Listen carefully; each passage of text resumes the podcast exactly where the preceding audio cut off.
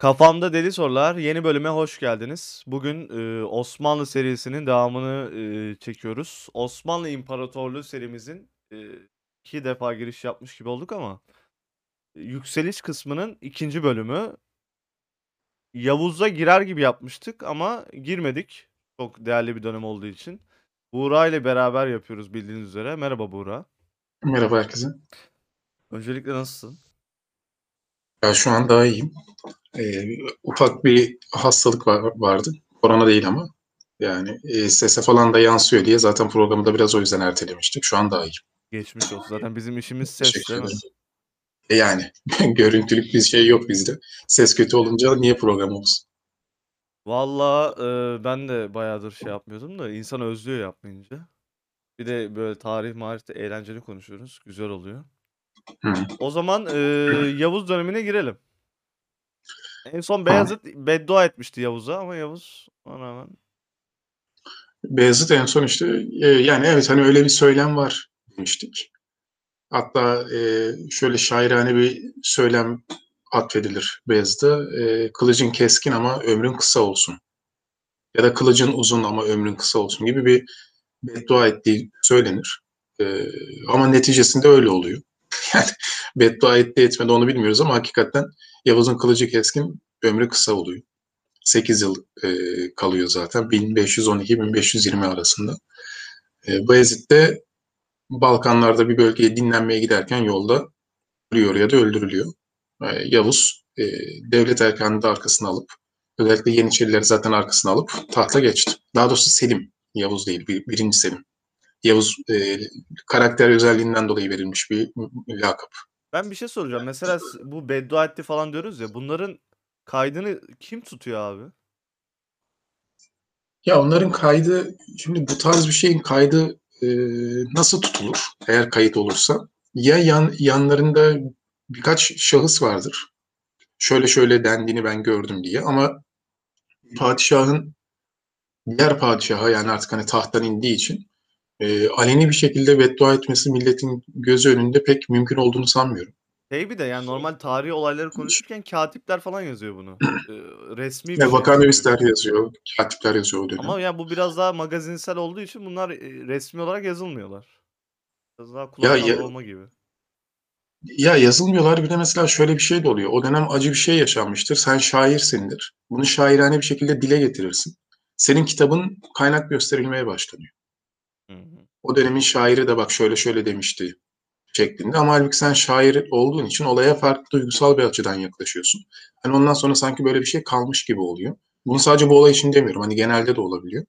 Beddua etmiştir etmemiştir orasını bilemeyiz ama e, tahttan indiriliyor. Yani Bayezid e, tahttan indiriliyor. Ya durumun vehametini gösteren bir şey aslında olmasa bile.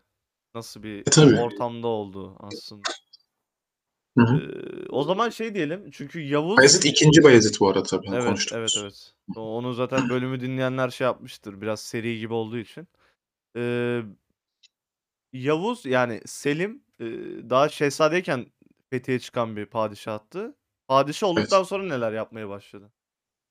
Şimdi padişah olduktan sonra e, Selim biliyorsun yani Trabzon e, daydı. Trabzon'da sancağıydı. Sancağı Trabzon'daydı. Hatta. Süleyman da orada doğuyor. Trabzon doğumludur zaten. Ama şöyle bakmak lazım. Şimdi diğer e, kardeşlerine göre Selim devletin en doğusunda yer aldığı için doğudaki bütün kaynamaları, gelişmeleri falan en yakından görüyor ve zaten sürekli o yüzden e, İstanbul'la arasında bir tartışma oluyor. Yani İstanbul'dan kastım e, saltanat.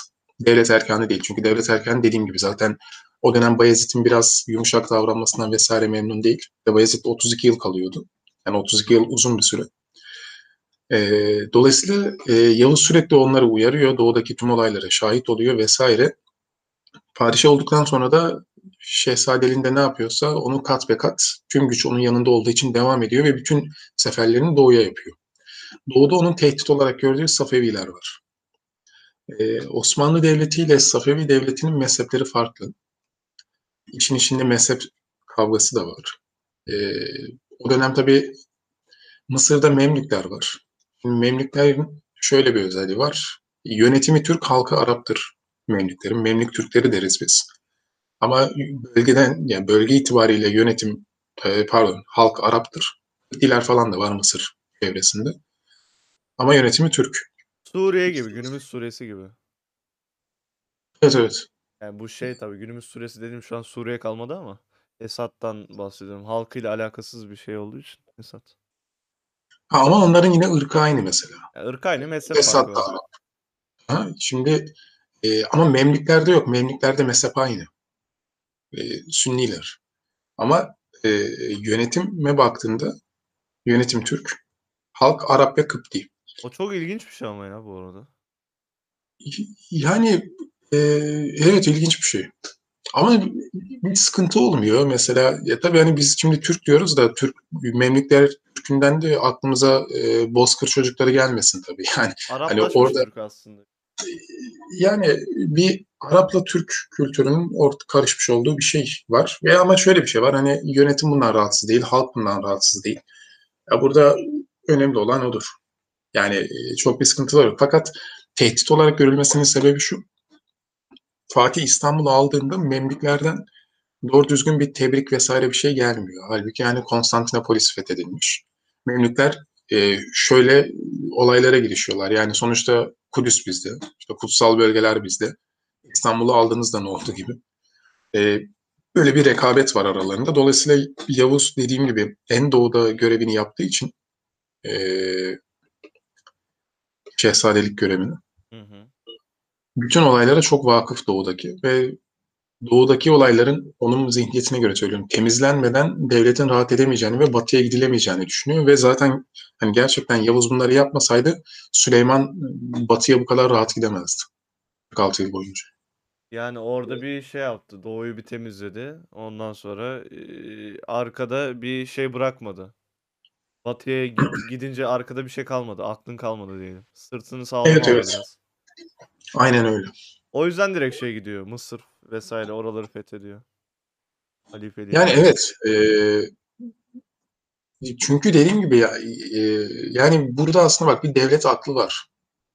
Yani bunu o şekilde görmek lazım. E, burada sadece işte Yavuz ben istediğim yaptı şeklinde değil de işte devletin ve Yeniçerilerin Yavuz'u desteklemesinin yani devlette bir bütünsellik olmasının faydasını burada görüyoruz. Özellikle o dönemdeki devletlerde bütünsellik ordudan tut paşalara kadar e, devleti yöneten işte padişah ya da hükümdara kadar hepsine yansıyor. Ve işte sen hani 8 yılda belki böyle e, 50 yıllık faaliyet yapabiliyorsun. Ya şimdi düşününce sen böyle deyince mesela Yavuz'un e, halifeliği alması biraz mecburiyet yani. Çünkü halifeliği aldığında otomatikman Arapları arkana alıyorsun. Arkanda e, herhalde ihanet etmezler herhangi bir seferde. Gelmezler düşüncesi oluyor halife olduğun için. Şimdi bak hem o bölgedeki hem bölgedeki yani toprakları alıyorsun hem de o ünvanı aldığın için e, dediğin doğru. Yani hem e, İslam dünyasının başı olmanın ünvanı var. De o bölgeler senin elinde geçtiği zaman. Ama tabii şöyle bir şey var Mert. E, tuhaftır. Osmanlı Devleti ciddi anlamda gerileme dönemine gelene kadar e, padişahlar halife ünvanını kullanmadılar. Buna ihtiyaç duymadılar. Şundan dolayı duymadılar. Şimdi diyelim ki sen cihat ilan edeceksin tamam mı? Zaten bütün Müslüman toprakları sende. Neye cihat ilan edeceksin ki? Yani kim için? Gelin bize yardım edin deme durumun yok. Zaten herkes sende. Anlatabildim mi? Sefer var diyorsun ve sefer oluyor. Bu daha sonra biz yavaş yavaş toprak kaybettiğimizde e, ve hatta toprak kaybettiğimizde değil de artık çökme noktasına geldiğimizde Savunma Padişahların- kullanmış olduğu bir şey. Çünkü artık tüm Müslüman topraklar sende değil. Onları yanına çekmek için halifeliği kullanıyorsun. Ama zaten Yavuz döneminde, Süleyman döneminde bütün Müslüman toprakları sende. Anlatabildim mi? Cihat ilan etmene gerek yok. Sefer var diyorsun ve gidiyorsun zaten. Şey Onu eklemek istedim. şeyde de işe yaramaz mı şimdi? Bir gavur toprağını Müslüman etmek için de çağıramaz mısın? Ama ama kullanmadılar yani. Kullan, kullanmadıklarına bakabilirsiniz. Zaten kullanıp da eee dönüşte olmadığı da oluyor da neyse. O e, e, tabii tabii. O şey dönemlerinde artık o çok sonra. Oralara da geleceğiz zaten. Tabii O canım bir Arabistan'da Lawrence falan var ya. var maalesef. Öyle bir. Eee, şöyle bir de şunu diyeyim. Ya bu halifelik nasıl bir şey abi? Yavuz ne yaptı da halifeliği bu kadar şey yaptı? Sonuçta bir Türk geliyor, Arapların elinden böyle bir şey alıyor. E, Ha, işte, eee, demin kastetmiş olduğum o yönetim Türklüğü, hani, bundan dolayıydı. Aslında Türklerden alıyor. Memlük. Memlük hanedanlığından ve Memlük hanedanlığı da dediğim gibi devleti yöneten Türk olduğu için aslında şöyle bir şey oluyor abi, halifelik bir Türk'ten diğer Türk'e geçiyor. Eee, e, şimdi şöyle nasıl Fatih Konstantinopolis'i İstanbul'a çevirdiğinde Ortodoksluğu eline almış oldu. Ortodoksluğun devlet adamlarını atamış oldu. Ve hala bugün Ortodoksluğun merkezi burası. Eee, tabii Türkiye Cumhuriyeti kurulduktan sonra hani laiklik ilkesinden dolayı çok fazla karışılmadı iç işlerine ama Osmanlı döneminde karışılıyordu. Aynı mantıkla işte sen halifeliğin olduğu toprakları aldığında halifelik makamı otomatikman sana geçiyor. Çünkü halifeliğin olduğu devleti topraklarına katmışsın. Ne olacak peki halifelik? Anlatabildim mi? Bize Dolayısıyla sana geçiyor. Aslında mevzu bu. Kutsal emanetleri falan alınca mı halifelik bir şey oluyordu? Kabul görüyordu. Öyle bir şey vardı. Yani o bölgeyi aldığında evet evet bazı işte sancaklar, bazı Aynen. emareler falan filan tabii işte ama zaten onlar halifenin yanında olduğu için sen orayı aldığında onlar da sana geçmiş oluyor. Ya bu halifelik böyle bu arada bir şey ekleyeyim. Ee, Hristiyanlıktaki işte Vatikan merkezli bir durum değil. Yani sen halifeliği eline aldığında sana bir belge vermiyorlar. Tebrikler artık sen halifesin gibi bir şey değil. Bu bizim bugün yaptığımız tarih okumalarından kaynaklı bir şey. Yani halifeliğin olduğu toprakları alınca halife sen oldun yorumudur. Anlatabildim mi? Yani böyle bir resmi belge gibi hani bir Halife bir Vatikan dini bir adam da değil aslında tam olarak. halifelik e, İslam dininde değil de İslam kültüründe ortaya çıkmış bir şeydir. Öyle ekleyebiliriz. Yani İslam İslam, medeniyetinde. Evet ama e, tabii ya bu, Yani halifelik papayla mevzusu karşılaştırılamıyor. Çünkü papa direkt dinle alakalı bir şey ama halife bir devlet adamı gibi bir şey yani. Bir ülke şey yönetiyor, savaşçı. bir şey söyleyeyim. Aslında şöyle Mert, bir tuhaftır tam tersi. Aslında Papa devlet adamı. Vatikan'ın devlet lideri. Hmm. Halifelikte de e, şöyle bir durum var. Halifeliğin olayı, şimdi bak dünya tarihi boyunca aynı yerde aynı zamanda 3-4 tane halife olduğu olmuştur. Canı isteyen kendini halife ilan etmiştir. Mesela bunu ta İslam'ın ilk yıllarında e, Muaviye ve Hazreti Ali arasında da görürüz. Çünkü niye biliyor musun? Belgesi yok. Yani böyle bir elinde bir senin tutabileceğin işte halifelik senindir diyeceğin bir belge yok. Ama sen bunu bugün mesela papalık için yapamazsın. Biri çıkamaz ben papayım diye. Çünkü bunun resmi kaydı belgeleri var. Anlatabildim mi? Ha anladım. Dediğince O anladım. mantıkla yani işte çıktı mesela şey bu hani IŞİD'in Ebu Bekir el-Bağdadi ben halifeyim dedi. İnananlar oldu. Çünkü bunun bir belgesi yok yani. Can Biraz isteyene cemaat lideri gibi bir şey aslında halifelik bakınca. öyle öyle. Kabul Yani halifse alakalı bir şey. Kabul görüyorsan halifesindir. e, e, evet Devlet gücünle alakalı. Aynen öyle. Yani halif zaten e, şey demektir, temsilci demektir. Ha. Halife. Tamam E, yani İslam dünyasının aslında. İslam dünyasının temsilcisi aslında. Hani bu daha sonra liderine dönüşmüş devlet gücü olduğu için ama aslında bir temsilcidir. Yani sen temsil ediyorsun O zaman mantığı. alakasız ama şöyle bir şey var. Halifelik kaldırılınca Türkiye Cumhuriyeti tarafından bu cemaat liderleri mi patladı dünyada? Şimdi bak halifeliğin kaldırılmasıyla alakalı yani hilafet hilafeti diyorsun. Evet. Şimdi çok yanlış okumalar yapılıyor. Konu biraz şeye doğru, farklı bir yere doğru gidiyor ama gitsin bunu, bunu da Ya soru konuşmak işareti lazım. kalmasın diye. Çünkü ben de bilmediğimden soruyorum o yüzden. Ya ben de yani bildiğim kadarıyla zaten cevaplıyorum. Ee, şimdi çünkü Yavuz'u konuştuğumuzda doğru. Halifeliğin biraz böyle e, bir incelemek lazım. Ee, şöyle bir şey var abi. Atatürk Atatürk halifeliği kaldırdığında af gelecek halifelik bir işe yaramıyordu. Biz bir işe yaramadığını e, Dünya Savaşı'nda gördük. Şöyle şeyler anlatılır hatırlarsın. İngilizler Afrika'nın çeşitli bölgelerinden Müslümanları getirdiler. Müslüman onlar Çanakkale'de savaşırken ezan sesi duydular. Ve abi dakikaya Türkler Müslümanmış dediler ve bizim tarafımıza geçip İngilizlerle savaştılar. Hı hı. Bu e, gerçektir bu arada. Buradaki olay yani şöyle anlatılır. Ya işte İngilizleri görüyor musun ne kadar adi millet Müslümanı Müslümana kırdırıyor diye anlatılır. Fakat işin şöyle bir tarafı var. Gelen insan Türk'ün Müslüman olduğunu bilmiyor. Ya halifenin olduğu ülkeyi kastediyoruz. Yani A- çok a- şey olmuş artık. bir işe yaramıyor yani halifelik. Eee, cihad ilan etti de ne oldu Vahdettin? Anlatabildim mi? Dolayısıyla biz zaten hani Cumhuriyet kurulduğu anda da hemen halifeliği kaldırmıyor zaten yani 1924 halifeliği kaldırılması. Çünkü son halife eee, biraz farklı şeyler talep ediyor. Yani özel böyle selamlama falan istiyor kendine. Cuma selamlığı vesaire. O dönem şartlarından dolayı Atatürk de ben seninle uğraşamam demekte haklı yani. Yani yeni bir medeniyet, yeni bir cumhuriyet kuruyorsun. Birileri ben cumadan çıkarken beni selamlasınlar diyor yani. Olacak iş değil.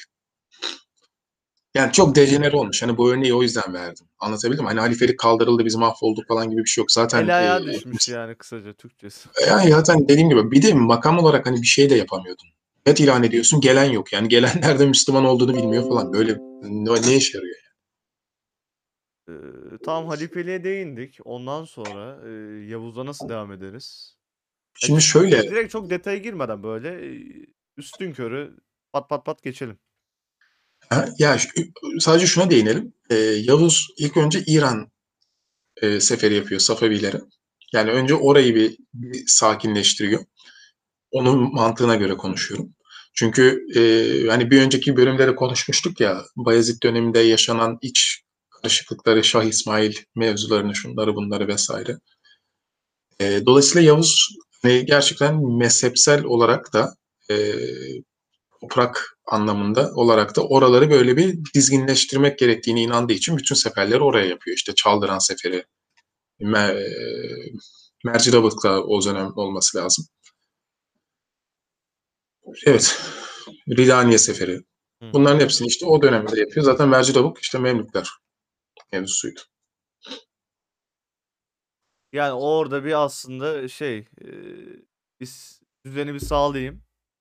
Bu kadar. Yani kendini göre, Evet. gö- görebiliyor aslında. E zaten onu yaparken e, İslam medeniyetlerinin liderimiş gibi. Şu anki e, Cumhurbaşkanımızın yaptığı Evet. gibi. Ya ama o zaman hakikaten bu oluyor.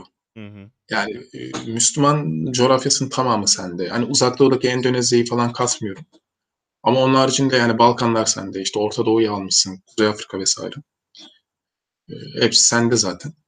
Dolayısıyla hani Yavuz dönemini böyle bu şekilde ele alabiliriz. Yani Yavuz'un bir de en çok takdir edilen diğer yanı hazinenin en fazla dolu olduğu dönemdir. Osmanlı Devleti'nin tüm zamanları boyunca hazine en fazla onun döneminde dolmuştur. Çünkü şahsi olarak belki biraz tuhaf gelecek bu anlattığımız karakter ama müthiş derecede gösterişten uzak, böyle sadece beyaz kıyafetler giyen, günde bir iki öğün ancak tek çeşit yemek yiyen, onun haricinde sadece kitap okuyan, sürekli şiir yazan, Arapça, Farsçayı müthiş konuşan Küpe bir takıyordu değil mi insan. Abi şimdi bak küpeyle alakalı eee, yani artık onun şey olduğu söyleniyor ya öyle bir şey olmadığı söyleniyor.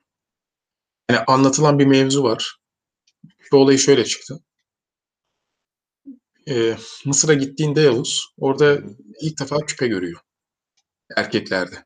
Ben anlatılanı söylüyorum. Bakıyor ki bunun bazılarında küpe var, bazılarında yok. Eee, merak ediyor bunlar bu durum niye böyle diye. Orada sordurtuyor. Diyorlar ki burada köleler küpe takar. Ha, ben de Allah'ın Efendiliğini kölesiyim ben muhabbeti. de Allah'ın kölesiyim diye küpe takıyor gibi bir şey anlatılır. Ama hani küpe taktığına dair artık nerede yani hemen hemen şey yani yok öyle bir şey deniyor. Özellikle bir küpe şey vardır ya onun meşhur portresi vardır. Bu hatta böyle e, Yeniçeri bıyıklarıyla olan Evet bir evet resmi vardır. Yani, e, sakallı değil o kesin biliniyor. Çünkü zaten Yeniçeri bir Yeniçeri aslında. Yeniçerilerin arasında şey olduğu için. Onu konuşmuştuk Evet evet. Aha. Yani aslında ruhu tam bir Yeniçeri. E O Zaten şey zaten padişahlı da öyle. Padişahlığı da öyle. Yani şimdi hani biz böyle işte e, en fazla hazineyi büyüten adam dedik. E, hani İslam medeniyetinin işte bütün değerli hazinelerini aldı falan deyince böyle çok şaşalı vesaire düşünmesin. E, çok e, mütevazi bir insan bu konular. Yani hatta Sü- Süleyman'la falan çok atışmaları vardır. Çünkü Süleyman da tam tersine kuyumcu olduğu için takı, takı eşyaları falan çok seviyor. E, şey mektubu var onun yani aynı anan gibisin. O zaman güzel bağladın. Buradan direkt e. Süleyman'a geçelim abi. Çünkü 20 dakika olmuş Yavuz. Bir 20-25 dakikada kanuni gider herhalde. Dramaların adamı. Ya bir kanuni bir yarım saat konuşuruz. Yani Kanuni çünkü Türk eee, Kanuni dönemini bu arada. bayağı seviyor dizilerden, mizilerden. E, evet ama işte eee, gerçek kanuni değil o. yani dönem de gerçek dönem değil. O bir dizi. Şimdi eee, Manisa'dayken işte 1520'de Yavuz Selim vefat ediyor. Zaten Süleyman tek çocuk olduğu için, yani tek erkek olduğu için eee, geliyor ve direkt olarak tahta çıkıyor. Yani tahta çıkmasıyla alakalı diğerlerinin yaşamış olduğu olaylar yaşanmıyor. Süleyman'la alakalı. Eee, Süleyman'ın normalde Yavuz'un şey olduğu dönemde, şehzade olduğu zamanda eee, baş Kırım'a mı yollayacaklardı? Kırım'a mı gitmesini istiyor? Öyle bir bir şey konuşmuştuk sanki. Yavuz da o. Yavuz Yavuz şehzadeyken muydu? Kırım'a yollandı. Hı hı. Ha, okey. Karıştırdım da. Zaten e, eşiyle orada tanışıyor. Yani Süleyman'ın annesi o yüzden Kırım Türk'ü. Evet, Manisa'dan eee, kolayca çıkıyor. Zaten Evet, yanında 8 sene saltanatı sürüyor Yavuz'un. 1512-1520 Kısa yılları bir arasında. Evet. Yani işte o yüzden onu bedduaya da biraz doğru mu diye at, e, düşünülür. Yani Bayezid'in yapmış olduğu beddua için. Kaç yaşında çıkıyor abi? 25. 25. Bayağı da yaşlı aslında. Ya şu Gerçi çünkü dedesi çok eee, saltanatı uzun olduğu için de. Büyük dedesi değil dedesi ya Bayezid. Direkt dedesi yani. Ha, doğru dedesi. Büyük dedesi. Ee, ya zaten Yavuz tahta çıktığında hani şu an belgeler elimizde bir şey yok. Hani biliyorsun daha önce konuşmuştuk şu an rastgele konuşuyoruz. Aynen. Yani aklında olduğu kadarıyla. Ee, zaten 40 küsür yaşlarında.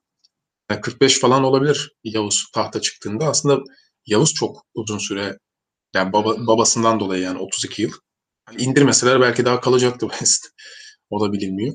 Ee, dolayısıyla aslında 25 yaş e, iyi bir yaşta çıkıyor. Ve iyi de kalıyor zaten Fatih'i 46 falan görünce yaşlı kalıyor. Ha evet ama Fatih çok erken çıkıyor abi. Aynen. Bir anormallik var yani orada. Şimdi Kanuni Süleyman dönemi. aynen Süleyman dönemi. Şimdi Kanuni demeyelim. Süleyman. Ne yaptı bu Süleyman? Hep eee, gacılarla mı Allah, takıldı? Allah ne yapmıyor? Yok. Şimdi Allah Süleyman ne yaptı? Abi Süleyman ne yapmadı ki? Şimdi e, bir kere bak o dönemin dünyasına bir bakmak lazım. 1520'yi kastediyoruz. Rönesans artık neredeyse tamamlanmış. Öncelikle babasının 25 tam tersi bu arada. Batıcı. Babası doğu, bu batı. Ba- evet, aynen öyle. Ee, çünkü o da ona göre yetiştiriliyor. Bütün bunların eğitimleri dediğim gibi hani belli bir, bir devlet aklı olduğunda hani bu özellikle monarşide böyledir. Yani bugün bizdeki gibi 5 yılda bir seçim olduğunda şunu yapacağım, bunu yapacağım gibi değil. Hani zaten kimin ne şekilde yetiştirileceği belli olduğu için belli başlı planlar daha uzun vadeli yapılabiliyor. Dolayısıyla Süleyman bu mantıkla yetiştiriliyor. Şimdi o dönemin dünyasına bakalım abi. 1520. Zaten 1529'da Protestanlık ortaya çıkacak. Martin Luther vesaire. Yani Batı'da Rönesans zaten almış başını gitmiş. E, coğrafi keşifler, yeni merkezler, e, yeni bir din akımları vesaire. O dönem o dönemin dünyası tabii dünyadan kastımız hani Batı, Batı ve Osmanlı kısmı. O dönem e, Batı böyle. Bu şekilde biz de kendi Martin Luther içimizdeki Almandı değil mi? Yanlış hatırlamıyorum. Almandı. Almandı. Martin Luther'le alakalı bir ara istersen bir şeyler konuşuruz. Ee, şöyle, işte bizde de içimizdeki bu mezhep çatışmaları, şunlar bunlar bitmiş. Yani Osmanlı da tam olarak bir modele bürünmüş. Batı'da bir kimlik arayışının sonlarına doğru geliyor. Yani Rönesans tamamlanmış, bilimsel gelişmeler olmuş, işte yeni bir reform hareketi, balığın etkisi azalmış vesaire. Dolayısıyla hani iki bu mantıkla kuvvetin zaten bu kadar uzun süre tartışması kaçınılmaz. Hı hı. Ama hani böyle bir süreçteyiz şu an. Eee, bunlara Kanuni nasıl bir şey yapıyor? Aklında ne var Kanuni'nin? Yani bu Batı'yla nasıl başa çıkmaya çalışıyor? Fethederek mi? Fethederek mi yoksa şey mi? Onlardan eee, örnek alarak mı? Bilimsel olarak şey olarak. Ya şimdi şöyle başa çıkmaya değil Batı bizle başa çıkmaya çalışıyor Diyorsun. o çünkü süreçte. Batı böyle bir yükseliyor ya, o yüzden dedim.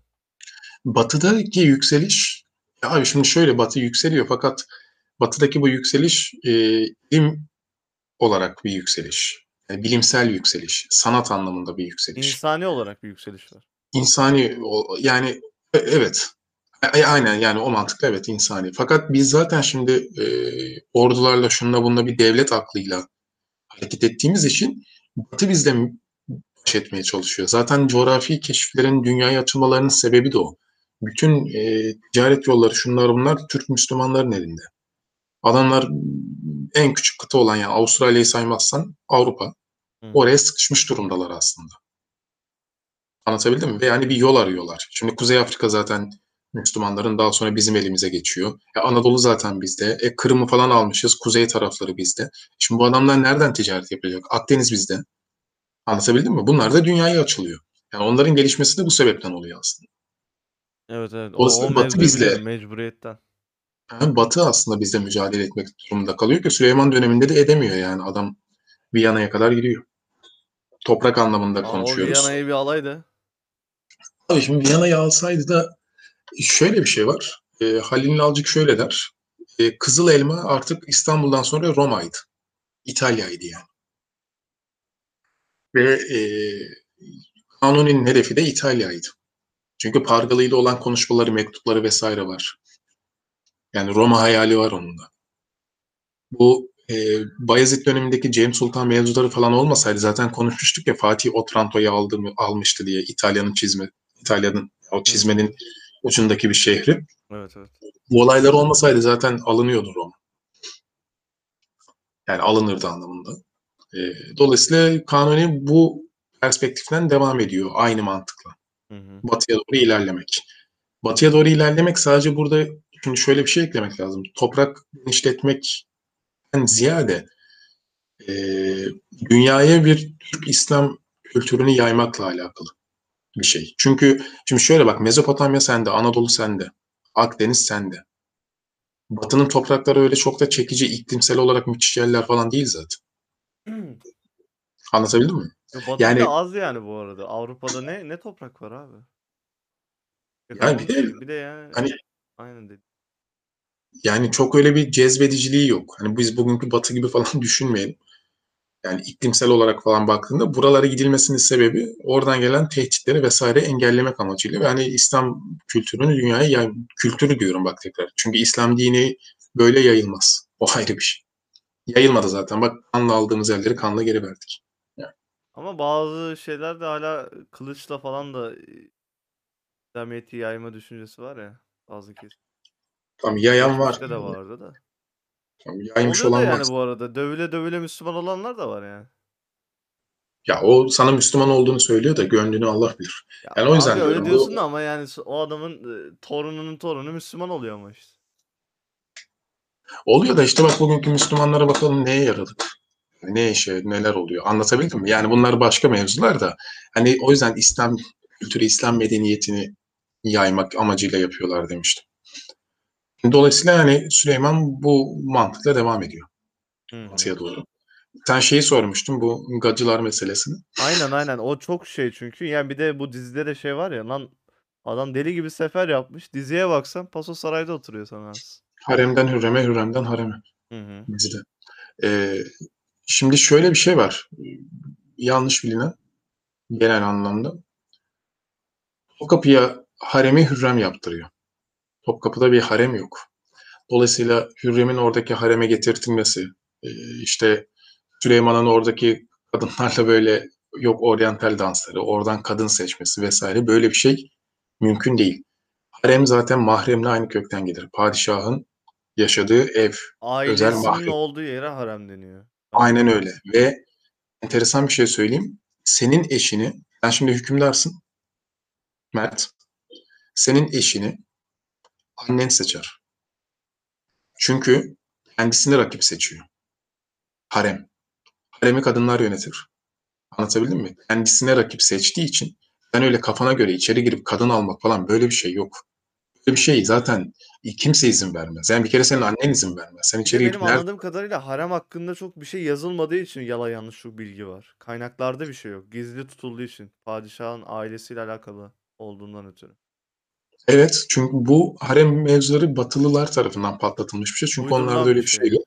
Yani şaşırıyorlar, aaa, bakıyorlar. Burası işte, eee, yani hükümdar sonsuz kudret sahibi. Burada bu kadar kadın var.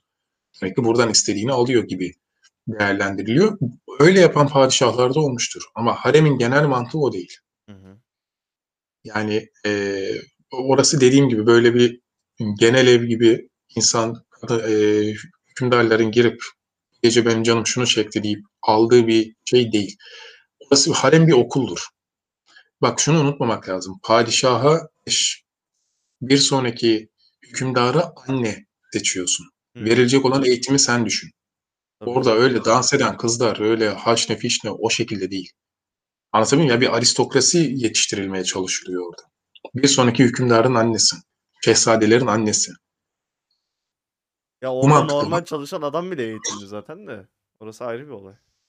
Ama yani şimdi bu dizilerde falan oluyor ya, yani padişah giriyor, kadınlar orada Ama dans ediyor, normal kızlar ya. Şimdi böyle bir imparatorluk lideri falan bir de yani bir de Arapların bir şeyi vardır ya böyle şatafatı vardır ya gereksiz insan. Avrupalılar tarafından. Hem Arap kültürü var hem şey var. dini olarak falan bir insan bir şatafat bekliyor. Yani Avrupa filmlerine bakınca tane Arap lideri göbeği böyle kocaman yanlarında kadınları var. Oturuyor. Öyle bir şey canlanıyor yani. Evet ama işte o şekilde, ya o şekilde de şimdi kullanılmıştır mutlaka ama hani temel anlamda o şekilde bir Ya eğitim zaten yok. kral figürü böyle bir şey bu arada. Avrupa kralları için de öyle bir lanse edilir. Hep kadınlar, şaraplar maraplar böyle kadının memesinden Ya işte içiyor. onlar bugünün dejenere olmuş hâli. Bak abi ben bir şey söyleyeyim. Lord kelimesi var ya, lord. hı. Antik Cermenceden gelen ve Hlafhold veya da Hlafeld kelimesiyle aynı kökten. Aynı yani o zaman bugünümüze kadar lord olmuştur. Somun sağlayan kişi demektir. Ekmek sağlayan, ekmek temin eden kişi. O zamanın halkları lordlarını böyle görüyordu. Bizim rızkımızı veren kişi olarak. Hani o yüzden onlar Rabbe de lord der. Anlatabildim mi? Yani böyle bir yandan şaraplar, bir yandan kadınlar gibi bir şey değildi. Kendi toprağında, kendi halkına somun sağlayan kişi olarak görülürdü. Bizdeki ağa gibi bir şey aslında. Evet. Toprak Yani. Ya tabii ki zamanla lordlukla vs. de hani şatafatla başka şeylere bürünmüş olabilir ama kelimelerin de kökenine baktığımızda hiç kimse durup dururken birine somun sağlayan kişi demez yani. Senin bir, bir kucağında kadın burada şaraplar. Ben sana benim ekmeğimi temin eden kişi niye diyeyim ya? Anlatabildim mi? Dolayısıyla bu işte günümüzde hani popüler kültürün dizilerle, filmlerle kralları, sultanları bu şekilde e, lanse etmesinden dolayı olmuş bir şey. Yoksa dediğim gibi ne Süleyman ne başkaları girdim kadın aldım haydi bakalım ben bu gece bunda takılıyorum gibi bir şey değil. Ben bir de Süleyman'ın şeyini seviyorum böyle lanse edilmesi konusunda. İşte Süleyman böyle tam benim gözümde şey Türk çocuğu. Babası doğuyu seviyor kendisi batıcı. Babasının parasını bitiriyor falan. Hazineyi bir boşaltıyor ya. tam bir şey ya. Ha bak ha, hazine o dönemde boşa yani hazine boşaldı değil tabii Yavuz'un e, seviyesinin altına iniyor. Fakat şöyle bir şey var. Çok fazla toprak aldığı için için. oraları bir de oraları ihya etmesi lazım aldığı toprakları. Yani oralara her bir gittiği yere bir İslam medeniyeti, İslam kültürüne ait bir şeyler bıraktırıyor vesaire. Ya orduyu yenileme süreçleri. E, Yavuz zaten boşuna yapmadı o hazineyi öyle. Ya bu, o hazine, o paralar orada öyle saklı dursun diye değil yani kullanılsın diye. Yok O da zaten kullandı. ona bir şey demiyorum da sadece şeyi komik yani böyle düşününce. Ba- şey değil. Al, alın teri değil baba parası falan. Eee, o zaman şöyle şey yapalım. Eee, bu kadın seferleri konuşmadık. şey yapalım. E, Kanuni böyle Osmanlı İmparatorluğu tarihinde böyle ne derler? Eee, anahtar olarak neler değiştirdi sence? Çünkü adında da bir kanuni lafı var ya. Hı hı. Ee, bir kere biz bir tek kanuni diyoruz. Dünya magnificent diyor. Muhteşem Süleyman. Yani tüm dünyanın muhteşem dediğine biz sadece kanun çıkarttığından dolayı kanuni diyoruz. Çok fazla kanun çıkarttığından dolayı zaten o belli. Ee, ama devlet kurallarına vesaire çok fazla hmm, ne diyelim uyum sağlamayı seven bir kişi. Bunları çok fazla önemseyen bir kişi. Zaten o yüzden mesela ters bir durum olduğunda işte en yakın arkadaşı Pargalı İbrahim'i idam ettirebiliyor. Yeri geldiğinde o oralara da değiniriz. Hani oğlunu da idam ettirebiliyor. Çünkü devlet yaşasın. Bu kural böyledir. Kuralın dışına çıkılmaz. Zihniyeti olduğu için e, bu şekilde davranıyor. Dolayısıyla e, önemli özelliği bence bu. Yani devletin yaşaması adına, bir birlik adına ve kaidelerin bozulmaması adına ya da yeni kaide gelmesi için zaten hani kaideyi kendisi çıkartıyorsa bunun kesinlikle bunlara uyulması gerektiğine inanıyor. Peki bu şey kendi pahasına olsa bile yapar mı? Kendi pahasına derken kanka anlamadım. Mesela e, devletin iyiliğine kendisi tahttan indirilseydi, ya indirilmesi gerekseydi iner miydi? İnmezdi. Niye inmezdi? Kanuni olduğu için değil. Bak şunu şimdi şöyle bakmak lazım. Bunun bir emsal teşkil etmemesi lazım. Babası döneminde bu yaşandı. Bayezid. Tahttan indirildi. Bundan sonra ne olurdu biliyor musun? Her yaşlı padişah yani yaş almış olan padişah ya da halk tabirle kocamış padişah oğulları tarafından sıkıştırılır. Ha bak Bayezid inmişti, Süleyman inmişti, senin de inmen lazım. Eksi olurdu. Anlatabildim mi? Bunun olmasını istemedi. Bunun olmaması lazım zaten. Anlatabildim mi? Yani sırf ben gencim, sen benim babamsın, yaşlandın diye haydi artık sen ineceksin çünkü sıra bende olayı olmaz. Bunu engellemek istedi Süleyman ve engelledi. de var yani bir padişahlık da ölene kadar olunca da bir sıkıntı oluyor ya. Bu işin hastalığı var, bunaklığı var. Yani belki de alttan gelen adam gerçekten iyi olacak falan. Şimdi kanuni olana kadar ya belki de bambaşka bir şey olacaktı. Kanunun ölümünü beklemeseydi. Yani Mustafa için mi diyorsun? E yani Mustafa olsaydı bambaşka bir şey olabilirdi Osmanlı açısından. Abi şimdi bak şöyle. Şehzade Mustafa da yine diziden dolayı böyle çok sallaştırılmış. Sanki pure pak, hiçbir hatası öyle bir şey olmayan. demiyorum ya. Diğer çocuklar o kadar mal ki o yüzden. Yok be abi. Şimdi bak Şehzade Mehmet zaten Padişah Süleyman'ın gözdesiydi. Öldü. Bu arada Evet. şehzade de mal dedim ama neyse. Yani-. Yok yani şey sen abi yani tabirle söyledin onda bir şey yok da e, benim hani karşı çıkışım yok canım sen Şehzade'ye nasıl mal dersin diye değil. Mal değiller. Yani Ya o biraz da şeyle alakalı. Şimdi Yavuz ve Kanuni'den sonra kim gelirse gelsin bir şey olur yani. Kötüleşirsin yani. Ya mesela şimdi Ronaldo Messi futbolu bırakınca diğer futbolcular bok gibi geliyor. Ha, Ona benziyor anladın mı? Anladım anladım. Ya şöyle bir şey ol- oldu abi. Şimdi bak aslında Süleyman'ın gözdesi Şehzade. Bu arada bilerek toprak fetihlerini konuşmuyoruz biz. Hı hı. Hani zaten şey yani oku gayet normal. YouTube'da falan videoları da var. Onlar ayrı bir mevzu. Yani biz biraz daha işin iç kısmını konuşuyoruz. Çünkü toprak fethine girersen Süleyman'ın zaten 5 program çıkar. Aynen öyle. Yani o bitmez yani şu sefer bu sefer.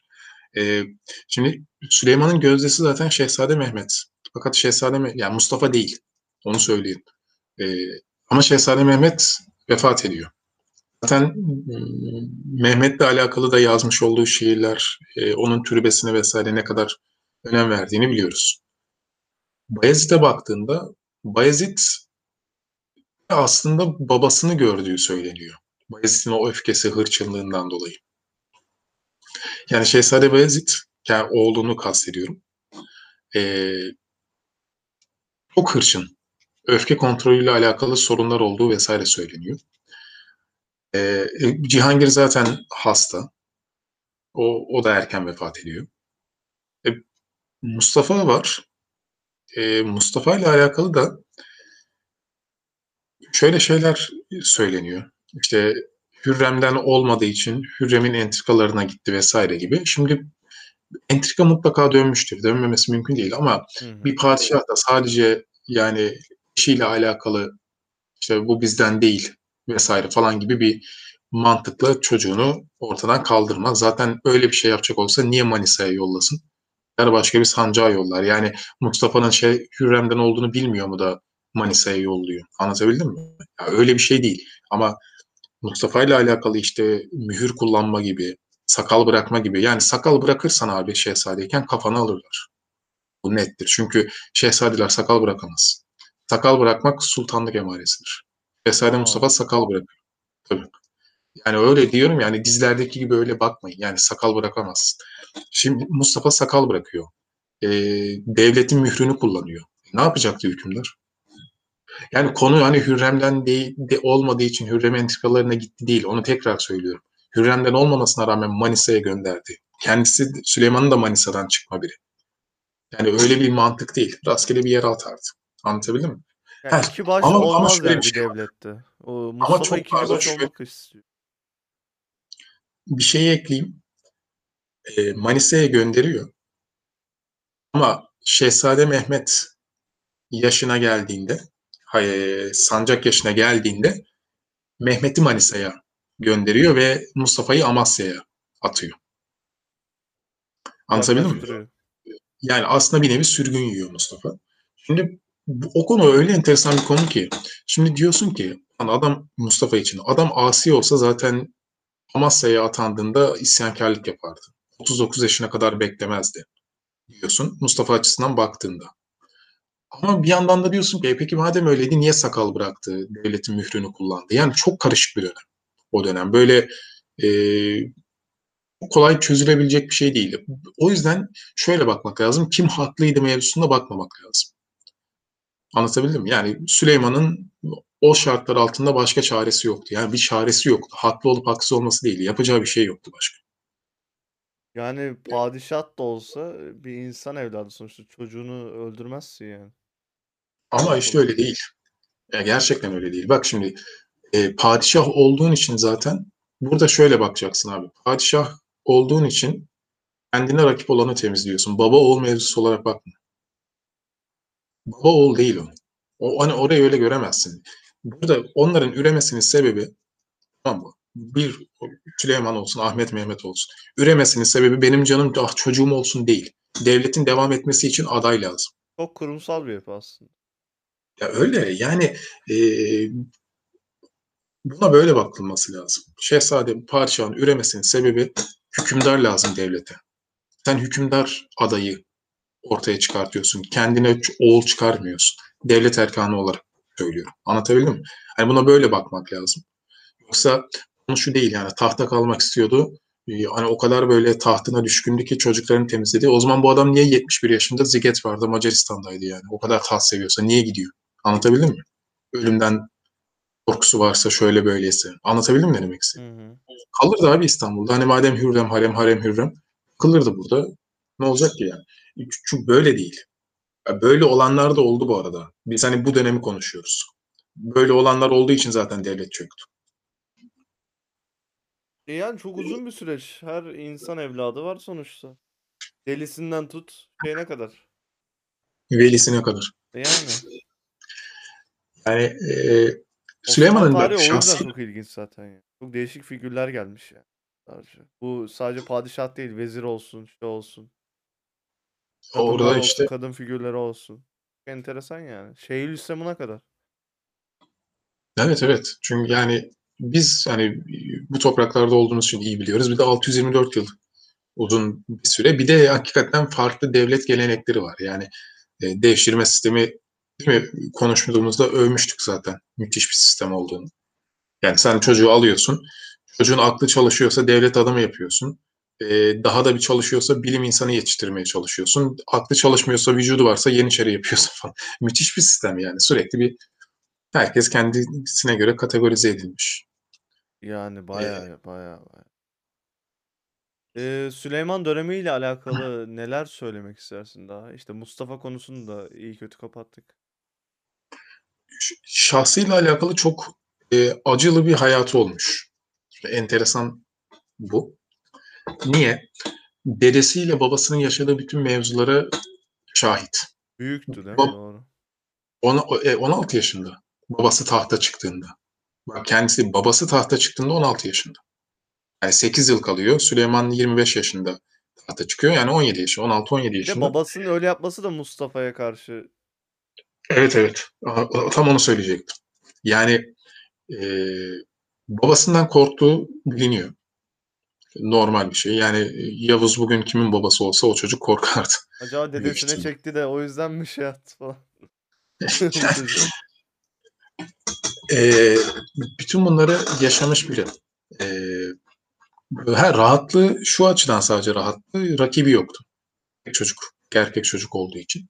Ama onun haricinde şahsi hayatına baktığında Mustafa'yı idam ettirmek zorunda kalması, Mehmet'in ölmesi, Bayezid'in eee, katline müsaade etmesi, Bayezid'in çocukları da öldürülüyor. Yani kendi torunlarının da katline müsaade etmesi, Hürrem'in ölmüş olması, eee, çok sevdiği işte Kaptanı Derya vardır. Onun vefat etmiş olması falan. Yani şahsi olarak çok e, iç açıcı bir hayatı olmamış. Acıların hepsi. Bütün evlat acılarını, evlatların birbirine girmesini, kendisine bunun izin vermesi, babasıyla dedesinin yaşadığı mevzular, dedem acaba öldürüldü mü düşünceleri. Anlatabildim mi? Ya bütün bunların yanında da sen sürekli batıda toprak olarak sefer kazanmaya da devam ediyorsun ama yani devleti de dik tutuyorsun. Bu böyle bakmak lazım biraz. Ya uzun süre yaşamanın bir de uzun süre bir imparatorluk yönetmeninde tabii sancısı olacaktır yani. Evet. Ama Bir de bir hakikaten yani. aşık bir adam yani. Hakikaten aşık bir adam bir de. Aşık yani. Hürrem'e. Edebi yönü de kuvvetli galiba. Çok kuvvetli. Tabii muhibbi mahlasıyla şiirler. O zaman o dönem için e, Hürrem'e de şaire denir.